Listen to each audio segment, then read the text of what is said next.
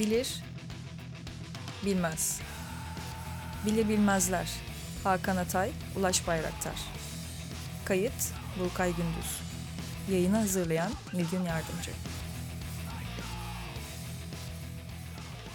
Merhabalar Bilir Bilmezlere hoş geldiniz. Yedinci defadır bilip bilmediklerimizi, bilemeyeceğimizi bildiklerimizi ve bilip de bilmezden geldiklerimizi konuşmaya devam ediyoruz. Ben Ulaş Bayraktar. Ben Hakan Atay. Geçen programda hatırlayacak olursanız Toz'u konuşmuştuk. Itaki'nin Minima serisinden. Yine aynı seriden ikinci bir başlıkla devam ediyoruz. Ve Atığı konuşuyoruz. Brian Till'in imzasıyla yayınlanmış bu kitapta biraz daha farklı bir tarzı var. Ee, benim bir takım soru işaretlerim var. Bilemediklerimi bir bilene soracağız ve Hakan'a soracağız. Öncelikle Atık'la başlayalım. Ee, Atık'ta e, en başta e, Paul Valery'den giriyor söze e, Till. Bun, bununla ilgili konuşalım mı önce Hakan? Yani bunun bu metnine dair bir şeyler söyleyelim belki çünkü onunla giriş yapıyor. Atıkla ilgisini mesela bunun. Evet ben de o başlangıç bölümünü okuduğumda heyecanlandım. Zamanında e, Tahsin Yücel'in Türkçe'ye çevirdiği e, üç tane diyalog onun e, Türkçesiyle söyleşim ve onların en uzunu ve ilki Öpalinos. Bu metni tekrar bir okumak istedim alıntıyı ve devamındaki tartışmayı görünce.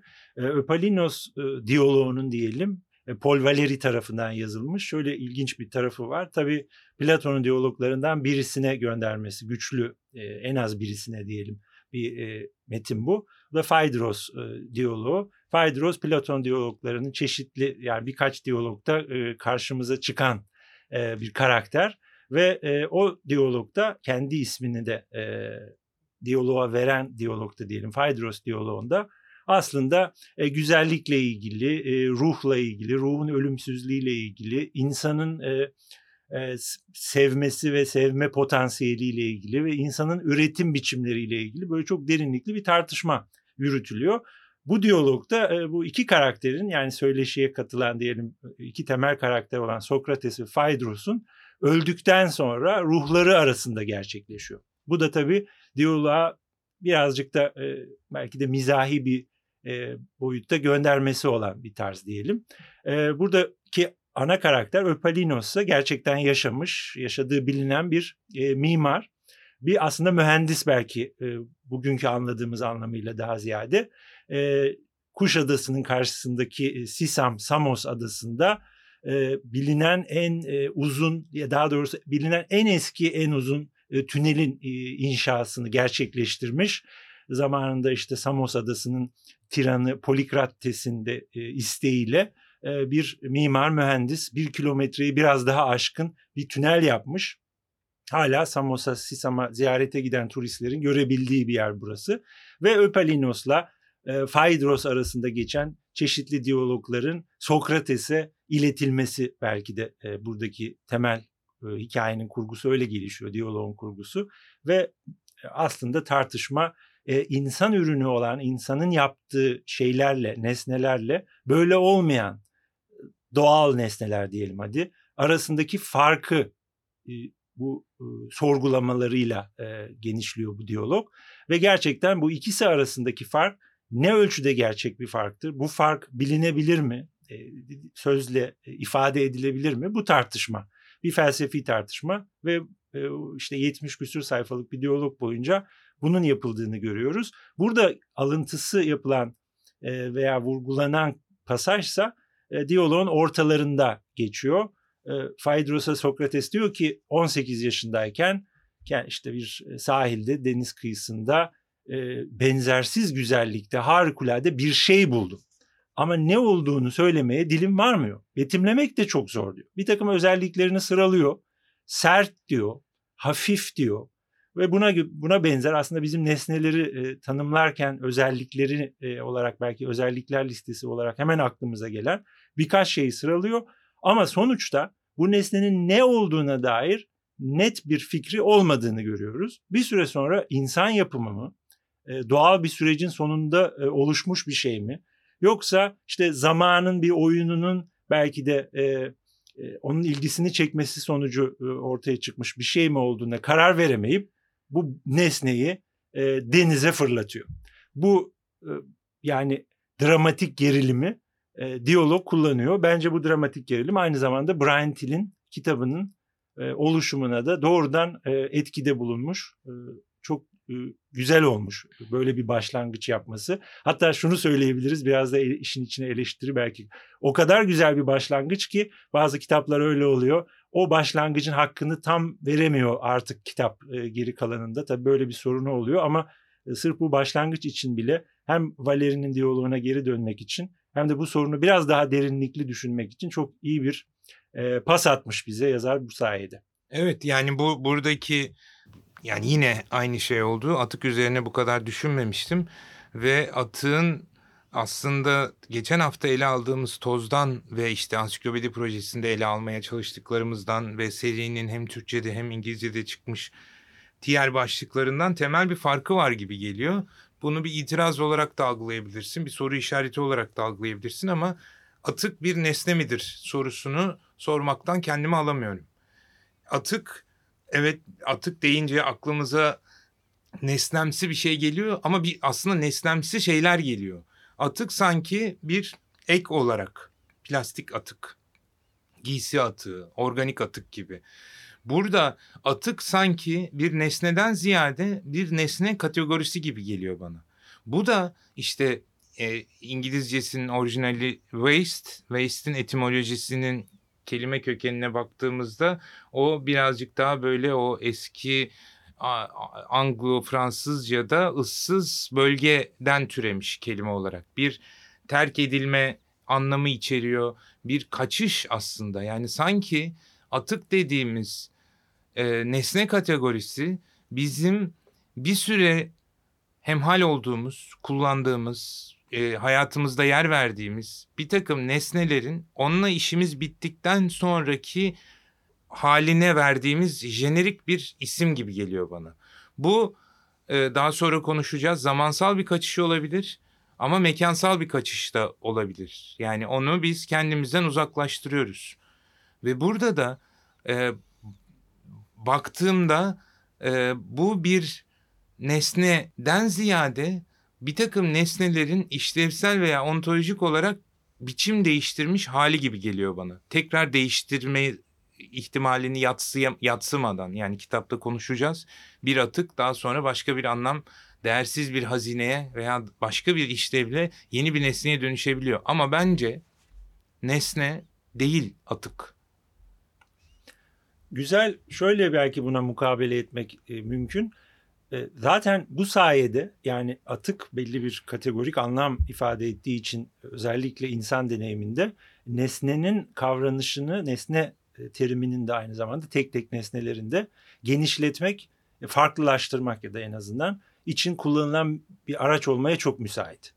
Biz ne, neden bazı nesneleri şu, yakınımızda tutarken bu kitap boyunca nesne dünyası ya da nesneler dünyası diye e, tabir edilen şey. Yani bizi çevreleyen ve sürekli elimizin altında belki e, tutmak istediğimiz şeyler ve yani bazı nesnelere neden e, kendi civarımızda diyelim hadi yer verirken bazı nesneleri kendimizden uzak tutmak istiyoruz. Hatta bazen doğrudan kendimize en yakın olan nesneleri e, bu muameleyi reva görüyoruz. Bunu tartışmayı bir nesne problemini açmak için kullanmaya çalışıyor diyebiliriz e, yazar. Yoksa tek tek e, atık diye bir şeyin e, belki tek tek nesnelerden bağımsız bir kategorik anlamı olduğunu düşünmekten ziyade onu kullanarak anladığımız anlamda bizim şimdi işimize geldiği için belki bu şekilde yorumladığımız nesne kavrayışını değiştirmeye bizi e, çağıracak. Bunu bu şekilde biraz dolaylı olarak yapıyor. Zaten senin de aslında ima ettiğin adımı hemen başlangıçta atarak ya ben burada e, harabelerle, yıkıntılarla, metruk nesneler, geride bırakılmış nesneler arasındaki gerilime, bu ayrıma odaklanacağım diye belki de sorunu sıradan bir çöp sorunu olarak düşünmenin ötesine kendisini konumlandırmaya çalışıyor. Yani sıradan çöp sorunu derken çöp sorununu küçümsemek anlamına gelmiyor bu. Bu bir strateji, bu bir nesneyle ilgili yeni düşünme pratiğini geliştirmenin bir yolu. Başka yolları da var. Böyle bir yoldan gideceğini bize söylüyor. Zaten işte Öpalinos söyleşisi, Paul Valeri'nin yazdığı metne gönderme yapması, hemen başta çok güçlü birkaç sayfada bu e, alıntıyı yapması filan e, bu açıdan manidar. Yani evet atık tek tek nesneler için söylenebilecek belki bir şey değil ama bir yandan biz böyle bir e, sınıflama yapıyoruz. Fakat bu sınıflamayı yaparken acaba nesnelerle ilgili neyi gözden kaçırıyoruz? İnsan yapımı nesneyle insan yapımı olmayan nesne arasındaki fark ne? Bu yavaş yavaş insanla başka her şey arasındaki fark bizim sandığımız gibi bir fark olmayabilir mi acaba sorusunu sorduracak. Tabii ben burada bir düzeltme yapayım. Yani atığın nesne olmadığına dair iddiam nesne ontolojisi içinde atığın yer almasını yadırgamam anlamına gelmiyor. Sadece bambaşka bir yerde görüyorum onu.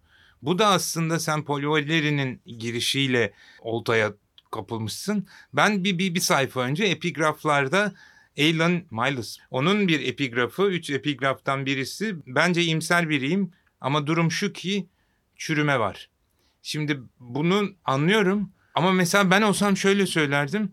Bence iyimser biriyim çünkü çürüme var. Şimdi bu çürümeyi bir iyimserlik vesilesi olarak yorumluyor, hissediyor olmamın sebebi aslında ilk bölümdeki kompost tartışmamız.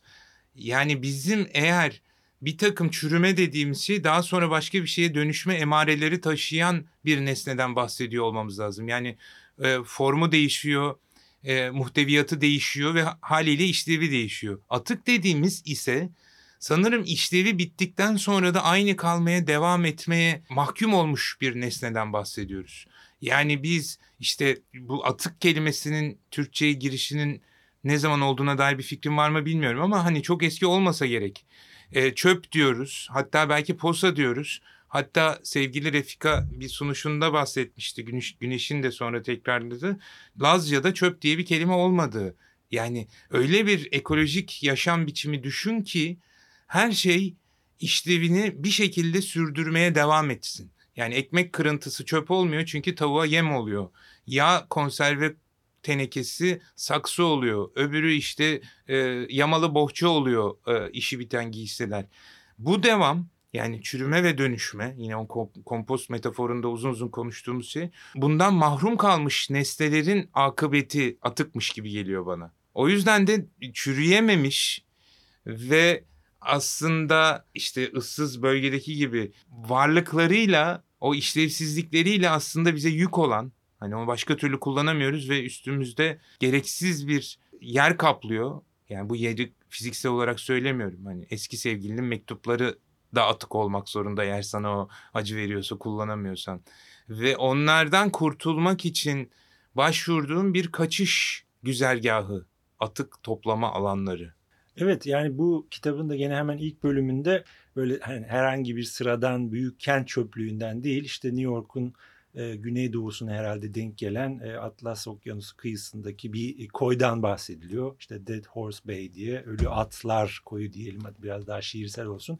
E, orada işte bir sürü cam atıkları var. Anlaşılan böyle porselen nesneler, kıymetli bir takım vazolar belki onların atıkları var. Bu arada da gerçekten e, yaşlanmış ve e, ölüme terk edilmiş bazı atların kemikleri vesaire bütün bunlar aynı yerde bulunuyor ve burası bir süre sonra turistik gezi mekanı olarak da değerlendiriliyor. Orada gerçekten e, muhtemelen 20. yüzyılın başına 19. yüzyılın sonuna ait bir takım nesneler bulma hevesiyle or- oralarda dolaşan turistlerin göründüğü bir yer diyelim. Şimdi hikayemiz şu işte e, bu ekolojik düşüncenin bir versiyonunda doğallık yani her şeyin her şeyle sürekli etkileşim içinde olduğu ve dolayısıyla sürekli dönüştüğü fikri başat bir fikir. Güçlü bir fikir. Bu ontolojisi de olan belli çerçevelerde bütün varlıklar için düşünmeyi de kolaylaştıran bir anlayış. Ama öte yandan işte biz şu anda daha karmaşık sayılabilecek hadi öyle diyelim bir çevre e, oluşturmuş durumdayız ve bu çevrenin içinde atıklardan söz etmeye başladık artık. Mesela işte radyoaktif atıklar da bunların içinde. Yani nükleer enerji santralleri için kullandığımız radyoaktif malzemelerin atıklarının radyoaktifliklerini sür çok daha uzun süre binlerce yıl daha e, sürdürdüklerini biliyoruz. Dolayısıyla biz belki de e, bir şekilde bu dünya yüzünden tamamen silindikten sonra bile onlar radyoaktifliklerini sürdürmeye devam edecekler. Böyle bir şeyle karşı karşıyayız artık. Bu, bu bizim durumumuz. Hani insanlık durumunu düşün Arendt'in. Şu andaki durumumuz bu. Dolayısıyla bu durumun içindeyken artık bu durumdan yola çıkarak düşünmemiz gerekiyor. Bu kitaptaki en güçlü pasajlardan birisi bana sorarsan Yunan mitolojisine gönderme yapılan bir yer. Orada işte malum evren nasıl oluştu sorusunu bu büyük kozmolojik soruyu işte Demiurgos diye bir e, Tanrı'nın elinin altındaki biçimsiz şeye işte kaos adı verilen e, şekil vererek yavaş yavaş Titanlar alemini sonra Tanrılar düzenini falan e, oluşturması hikayesini e, anlatıyor. Ve şu anda diyor e, Brian Tilde bize biz aslında Tanrılardan uzak bir yerde değiliz. Aşağı yukarı aynı yerdeyiz. Çünkü elimizin altında ne varsa o olduğu gibi o şeylerle uğraşmak zorundayız. Dolayısıyla biz nesne hakkında düşüneceksek artık buradan yola çıkarak düşüneceğiz. Evet bazı nesneler sanıldığı gibi daha önce varsaydığımız gibi e, dönüşüm döngülerinin içine girmiyorlar. Bu acaba nesneyle ilgili yeni bir şey söylüyor olmasın? Hatta bizim doğal nesneler olarak ayırt ettiğimiz şeyleri de belki de yanlış anladığımız ya da bir yanılsamaya kapıldığımız anlamına çıkmasın gibi bir genel bir soru soruyor. Bu tavrı biraz anlamaya çalışmak yani en azından benim için daha ilginç olan şeydi. Yoksa tabii ki çöp kategorisiyle posa saydın sen ve atık arasındaki ayrımı anlayabiliyorum.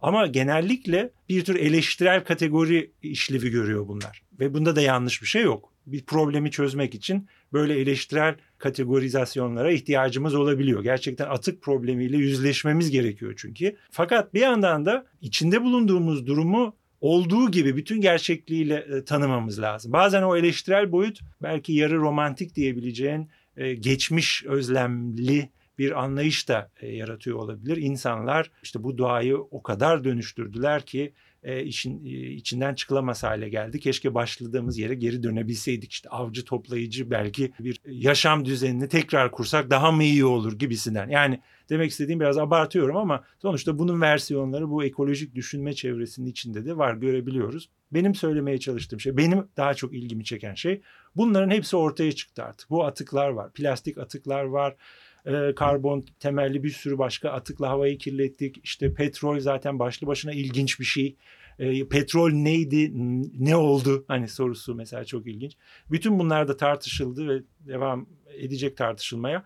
Ama artık biz böyle bir çevreye sahip. Bunlarla çepeçevre sarılmış durumdayız. Biz şimdi ne yapacağız? e, sorusuyla biraz daha nesneler hakkında düşüncemizi acaba bu durum biraz etkiler mi? Bununla biraz daha iştigal etmek bana daha makul görünüyor bu aşamada. Evet yani orada e, çöpçü melekler diye tarif eder mesela o çöp toplayanları melek kategorisine alıyor. Çünkü aslında onlar bizim bir şeylerden kurtulma arayışımıza cevap veren emekçiler biz bir şeyi kullanıyoruz. Onun bizim için anlamı işlevi bittikten sonra da çöpçülere emanet ediyoruz ki artık onlar bizim görebileceğimiz, bizi rahatsız edecek bir noktada olmaktan çıksınlar. Ve bu da aslında işte o bizim öyle bir ifade vardı sanırım. Başka birisinin bizim yerimize yok etmesi gereken bir nesneye atık diyor. Yani yok olmasını arzu ediyoruz. Bunu yapacak gücümüz yok. Bunu ihale ediyoruz. İşte çöp topluyor, işte geri dönüşümcü. Yani geçen işte bir ay oluyor sanırım. Bizim sahilde yürürken Twitter'da da paylaştım onu. Yani müthiş bir e, plastik kirlilik vardı böyle bir şerit halinde ve onun hemen arkasından da bu İngiliz gazetecinin o geri dönüşüme yollanan maddelerin GPS koyup da sonra Adana'da kaybolduğu biliyorsun o hikayeyi. Ve ondan sonra ben bunu sosyal medyada paylaşınca böyle bir takım dostlarımız, arkadaşlarımız, tanıdıklarımız nasıl bir eleştiri hani bunlar insan değil, bunlar işte e, çevreye şöyle e, zarar veriyorlar ama o plastik o küfreden arkadaşın bir yıl önce yediği çikolatanın kabının şeyi olabilir. Yani bunu hiçbir zaman bilemeyiz. Ya da onun yediği çikolatanın kabı da benzer bir yerde başka bir sahilde yeni bir atık biçimine dönüşmüş durumda. Artık bu kitaptaki beni en çok etkileyen atık ne kategorisi aslında bizim kaçmak için başvurduğumuz bir olgu. Yani biz onu ya işte radyoaktif atıklarda olduğu gibi e, zamana bırakıyoruz. Sadece radyoaktif değil yani şu anda işte bu elektrikli arabalar, bisikletler onların bataryalarının hani o uzaktan kumandanın pilinin bile kadmiyumlu pilinin bile ne yapacağımızı bilemezken bunun ne olacağına dair güneş panellerinin o bataryalarının ne olacağını bilmiyoruz. Ama hayırlısı işte hani gün gelir buna da çare bulunur gibi bir zamansal kaçış var. Veya işte o uzaklara açılan sifon diyor ya hani tuvalette hacet giderdikten sonra sifonu çekiyoruz. Ondan sonrası bizi bağlamaz. Biz gayet temiz, mis gibi bir yaşam alanında yaşamaya devam ediyoruz. Ama o, o, o sifondan sonrası bizi ilgilendirmiyor işte belediyeler, işte atık tesisleri bilmem ne. O yüzden de işte aslında e, sanırım yüzleşmeye gitgide yaklaştığımız bir aşamaya geliyoruz. Yani attığım plastiğin çöpü ertesi gün girdiğim denizle hatta biliyorsun kanda da mikroplastikler bulundu. Tekrar bir buluşmanın arifesindeyiz. Kurtulamadığımız, kurtulamayacağımızın belli olduğu bir yerde artık kaçacak ıssız bir bölgemizin ya da zamanın da olduğu bir yerde bununla yaşamak zorundayız. Tabii hani tekrar göçebe hayata geçelim mi? Bu, bunun bence hiç ciddi alınacak bir tarafı yok. Nasıl ki biz hadi artık yerleşik hayata geçelim gibi bir kararla olmadıysa bu, bunun tersi de mümkün değil. Bu zaman içinde ya dönüşeceğiz, atık olmayacağımız kesin. Hani muhtemelen yok olacağız ki o da dün şahane bir metin okuyordum ateşle ilgili olarak. Böyle tam zıt kutuplar diye düşündüm. Ateş bir nesne mi mesela sence? E, güzel bir soru bu da. Yani ateş bir nesne mi? Şöyle bir şey söyleyerek belki dolaylı bir cevap vermeye çalışayım. Yani kolay, Çalışmadığın kolay yerden sordum değil mi? Programdan yani önce aslında çalıştığım bir yerden ama e, çok net bir cevabım olmayan bir yerden. İşin daha da kötüsü ya da belki de daha iyisi bilmiyorum. Ama ben gene bu hani Öpalino söyleşisine de bağlayayım olayı ve biraz daha açayım. İşte hani bir düşünce tarzını değiştirmekle ilgili e, bir vurgu yapmıştım ya yani biz nesnelere bakışımızla ilgili ve nesneleri sadece fiziksel katı işte bir takım maddi dönüşümlere sadece açık şeyler olarak görme alışkanlıklarımızın kaynağına gidip belki bu kaynakla ilgili bir, bir takım e, yeniden gözden geçirmeler yapmalıyız gibisinden bir şey. İlginç olan Paul Valeri'nin diyaloğunda Sokrates'in ruhu tam olarak bunu yapmaya çalışıyor ve bir garip pişmanlık içinde. Bu pişmanlığın kökeninde de kabaca yani platonik, platonist nasıl dersek artık düşünce biçimi var. Biliyorsun oradaki büyük meselelerden birisi işte bir takım idealar var. E, Tahsin Yücel'in düşün diye çevirme tercih ettiği şeyler. Bunlar aslında bütün değişimden, bütün zaman ve mekan ilişkilerinden bağımsız olarak var oluyorlar. Fakat işin ilginç tarafı mesela bir takım çöplerin, atıkların, dışkıların ideası var mı? Gerçekten bunlar da bağımsız şeyler olarak o idealar aleminde mi değil mi tartışması böyle zayıf bir karın Platonist düşüncenin içinde ve e, bundan çıkmaya, kurtulmaya çalışılıyor. Yani çünkü işte biraz önce senin güzelce izah ettiğin şey yani uzağa gönderilmiş şeyin mümkünse işte kopyanın kopyasının kopyasının kopyası olarak iyice otantikliğini kaybetmiş tırnak içinde şeyin e, gerçekliğin dışına atılabileceği e, fikrinin kökenleri biraz burada. İşte bunun değiştirilmesi için bir şeyler yapmalıyız ve bunun değiştirilmesi çok işimize yarayacak gibi bir temelde felsefi bir e, kaygı var burada ve bu bunun ben herhangi bir romantik e, ya da işte romantik diyorum ama başka türlü de belki şey yapılabilir, tanımlanabilir. E, yeniden yaşam düzenleme e, telaşından çok daha öncelikli olduğunu düşünüyorum. Gitgide felsefe yapmanın daha yaşamsal bir anlamı olmaya başladı. İşte milattan evet. önce 4. yüzyılda Atina'da olduğu gibi aslında. Şu anda gerçekten felsefe yapmaya çok ihtiyacımız olan evet. bir dönemdeyiz. Artık elimizin altındaki şeylerle ilgili yeni düşünceler üretmeye ihtiyacımız var. O yüzden de işte nesneler hakkında tekrar düşünülmeye başlaması ilginç bir şekilde 20. yüzyıl 21. yüzyılın pardon başından itibaren tekrar canlandı. Yani şimdiye kadar e, hep ikinci plana atılmış tırnak içinde insan öznenin elinin altında onun istediği şekle sokulabilecek diye nitelenen şeylerin biraz daha başrole e, sahnenin merkezine yerleştirilmesi. Çünkü gerçekten artık sahnenin merkezindeler. Yani onunla onlarla çevrelenmiş durumdayız ve onlar e, artık bizim uzağımızda falan değiller. Üstelik uzak fikrinin kendisini bile üzerini silen, altını oyan bir güce ve etkiye sahip oldular nihayet. Ama bunu biraz geç kavradık. Problemimiz bu. Fakat neyse yani geçmeç artık düşünce tarzımızda bir değişiklik yapmak için o adımları atmaya başlamalıyız. Bunun yeri var artık ve gitgide daha incelikli belki yani insanlar için şimdiye kadar hep büyük problem oluşturmuştu. Zaman problemi gibi problemleri de tekrar ele almak için e, çok iyi bir kaynak olabilir bu. Çok iyi bir yer olabilir. Yani zemin hazır hani derler ya. Evet, e, ateş konusunda benzer düşünmediğimizi anlıyorum böylelikle. Çünkü ben ateşin de bir nesne olmadığını, ateşin aslında bir nesnenin dönüşümünde ortaya koyduğu e, enerji ya da grafik olduğunu düşünüyorum. Yani atın tam tersine, atık dönüşemeyen, çürüyemeyen bir nesne kategorisiyken ateş biçim değiştirmenin tezahürü gibi geliyor bana. Orada yani kompostlaşmayı böyle adım adım göremiyoruz ama yanan, dumana dönen, ısıya dönen bir şey onun dönüşümü. Ama şu açıdan önemli. Yani senin söylediğin daha ilk programdan beri belki de boşuna hani sırf gevezelik yapmak için değil. Bizim o öyle bir çabamızın bir vesikası bu e, periyodik söyleşiler. Bir şeyler söylememiz, bir şeyler bulmamız e, gerekiyor ve bunlar da çekmecelerde hazır bulunmuş şeyler değil. Deneyerek birazcık daha yanıla yanıla, bilerek bilmeyerek el yordamıyla bulmamız gereken yeni yollar. Bu da onun bir egzersizi. Ama tekrar atığa dönmek istiyorum ben. Yani bütün bu e, atığın bu kadar artması, bu kadar gündemimize gelmesi hem bir yandan bir alarm zili çalıyor. Çünkü o hiç de aslında düşman kisvesinde olmayan bir takım nesnelerin bir plastik şişe ya da bir işte e, eski bir ayakkabı bunlar bir hemen düşmanlık atfedebileceğimiz e, nesneler değil. Fakat aslında onların üzerinden okumaya başladığımızda onların bize dert olması aslında oradaki atık değil bize dert olan.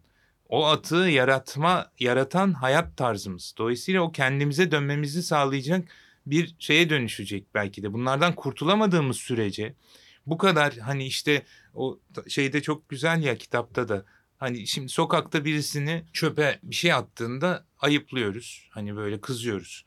Aynı kişi aynı objeyi çöp kutusuna attığında bu olması gereken ahlaki e, tutum bu. Ama ileri sardığında ikisinin de akıbeti aynı olacak. O sahilde olacak belki yine o bizim o plastik sahilinde. Bu çünkü kaçamıyoruz artık. Şehirler çöplüklerin komşusu oluyor. Çöplükler şehirlere geliyor veya her yerden selle geliyor, dalgayla geliyor, rüzgarla geliyor. Artık kaçamayacağız ve bu belki de kaçabileceğimizi sanma yanılgısından kurtulur hale geliyoruz. Bu da işte bir hep öyle yani şeyi düşünüyorum işte burada da var ya metrukla harabe arasındaki fark ya da bir takım insanların bizim atık dediklerimizin üzerine yeni bir anlam atfetmeleri, yeni bir duyguyu onunla özdeşleştirmeleri. İşte benim aklıma Masumiyet Müzesi geliyor. Yani Masumiyet Müzesi'nde sergilenen nesneleri alıp bir dağ başına atsak orası bir müze değil bir çöplük işte izmaritler, sigara paketleri işte kullanılmış e, boş şişeler ama onu bir müze çatısı altına koyduğunda başka bir estetik kazanıyor. Şimdi o estetik işte e, çok kilit bir kavram belki de bizim bütün bu kavramlara olan hissiyatımızı yani sen de oradaydın Ezgi Bakçay geldiğinde estetiği bedenin dünya ile teması olarak tarif etmişti. İşte biz estetik bulmadığımız bir şeyi o oradaki o, tem, o temasından hoşlanmadığımız bir takım nesnelerden kurtulmaya çalışıyoruz ve onları işte atık veya işte şey çok güzeldi değil mi o bilgisayardaki dijital atıklar. Hani e, dosyalıyoruz okunacaklar okumayacaklar çöp kutusu var. Oraya da orası da bir atık aslında. Yani hem bir yandan e, istemiyoruz ama bir yandan da bunu tek kalemde yapmıyoruz. Erteleyerek unutmayı umuyoruz. Bunun gibi işte bir, bir nokta itibarıyla bizim temasından hoşlanmadığımız, estetiğinden hoşlanmadığımız objeler belli bir süre sonra belli ortamlarda veya belli kişilerin belli işlevlerin altında tekrar estetize edilebiliyorlar. İşte hani e, antika oluyor, antik şehir oluyor. Yani o çok ince bir sınır ya yani bir şeyi atık ol yeteri kadar sabredersen o antika değeri taşımaya başlıyor. O yüzden de atık belki de geçici bir kategori. Ya çürüyecek, yok olacak ya da e, başka bir işlev kazanacak ya da zaten sonumuzun tetiği olacak. Yani kendisi de söylüyor Brian Till bir yerde o kitabın ortalarına doğru yanılmıyorsam yani her şey atıktır getiriyor ve bu atık Düzeltiyorum nesne... bence her şey müstakbel bir atıktır diye. Onu okurken öyle Ha, şey yapılmıştım. evet. Ben Yani öyle yazmıyor da ben ilgili. evet yani Doğru, her şey ama- atık olmaya mahkumdur gibi düşünüyorum. Öyle ama sonuçta yani işte zaman problemiyle ilgili belki bir tartışma gerektirecek bu ama e, yani gelecekte dönüşeceği şey e, eğer bir şeylerin gelecekte dönüştüğü halse genellikle o bütün her şeye atfedilme gücüne sahip hale geliyor. O yüzden de o bu atık nesne kategorisinden belki de böyle belki Lacan gibi bir düşünürün yapmayı seveceği gibi atık sözcüğünün üstüne şöyle bir e, çizgi çizip ama onu orada tutup nesne olarak göstermeyi de tercih edecek. Yani öyle bir boyutu olsa belki düşüncesini ya da okumasının böyle ifade etmeyi seçebilirdi düşünür. E, Brian Till'den bahsediyorum yani. Ve e, bize söylemeye çalıştığı bir ölçüde yani her tek tek her şeyin ne olursa olsun olduğu şeyden bağımsız olarak gitgide işte dijital olanlarında burada belki eksik bir boyut peki hala maddi olmayan şeylerin işte e, aslında dolaylı olarak bahsediliyor işte insan hafızasının seçtiği şeyler.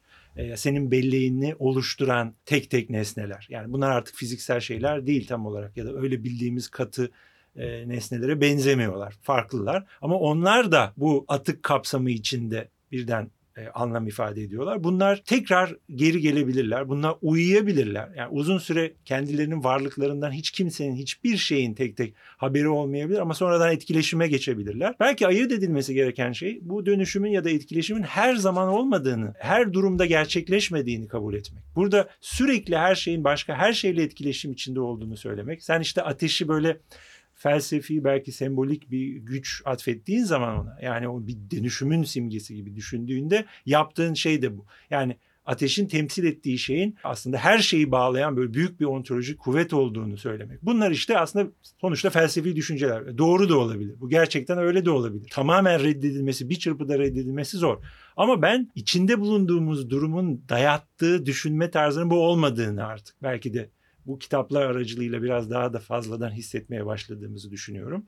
Ee, ve eğer biz bir yolunu bulursak bu bazen geri dönmeyen, bazen geri dönen, birisine çarpan ama başka birine pekala hiç çarpmayacak olan şeyi düşünmenin başka bir yolunu bulabilirsek bu başka sorunlarla ya da daha daha doğrusu elimizin altındaki büyük sorunlarla uğraşırken güçlü bir araca alete de dönüşebilir.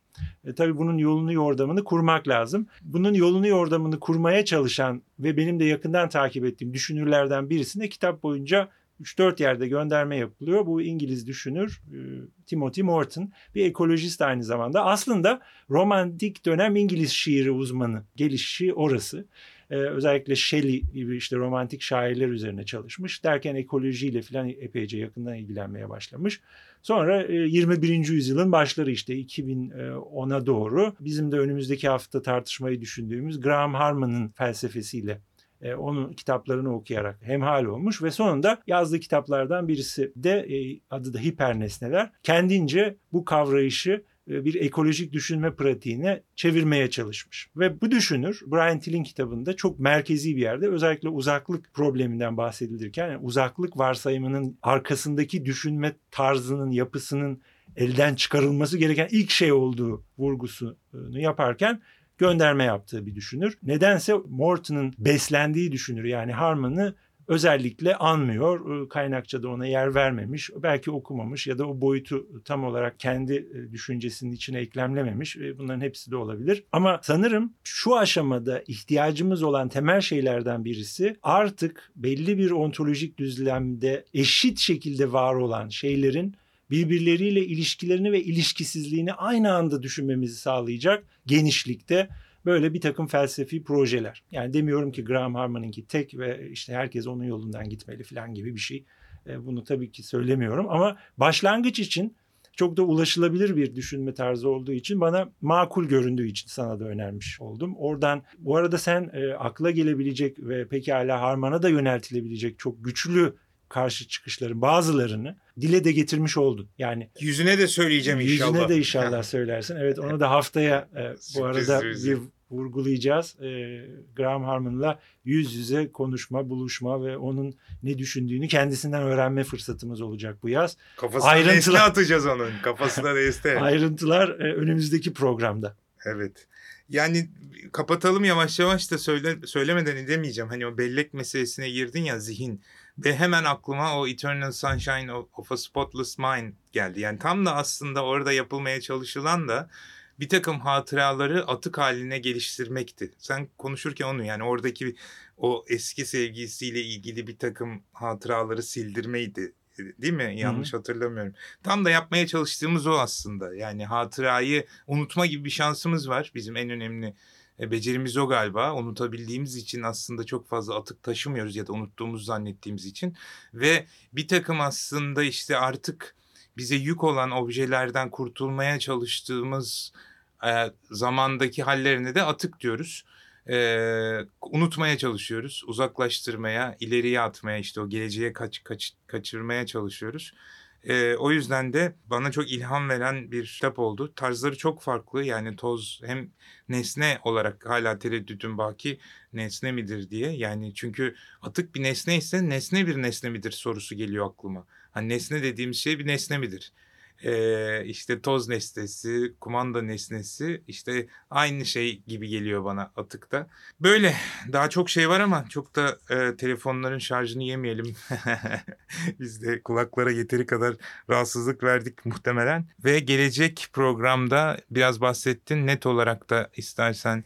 Çünkü Evet. binlerce insan andığımız kitaplar satış rekorları kırıyormuş. O Öyledir, yüzden. eminim öyledir. Keşke öyle olsa.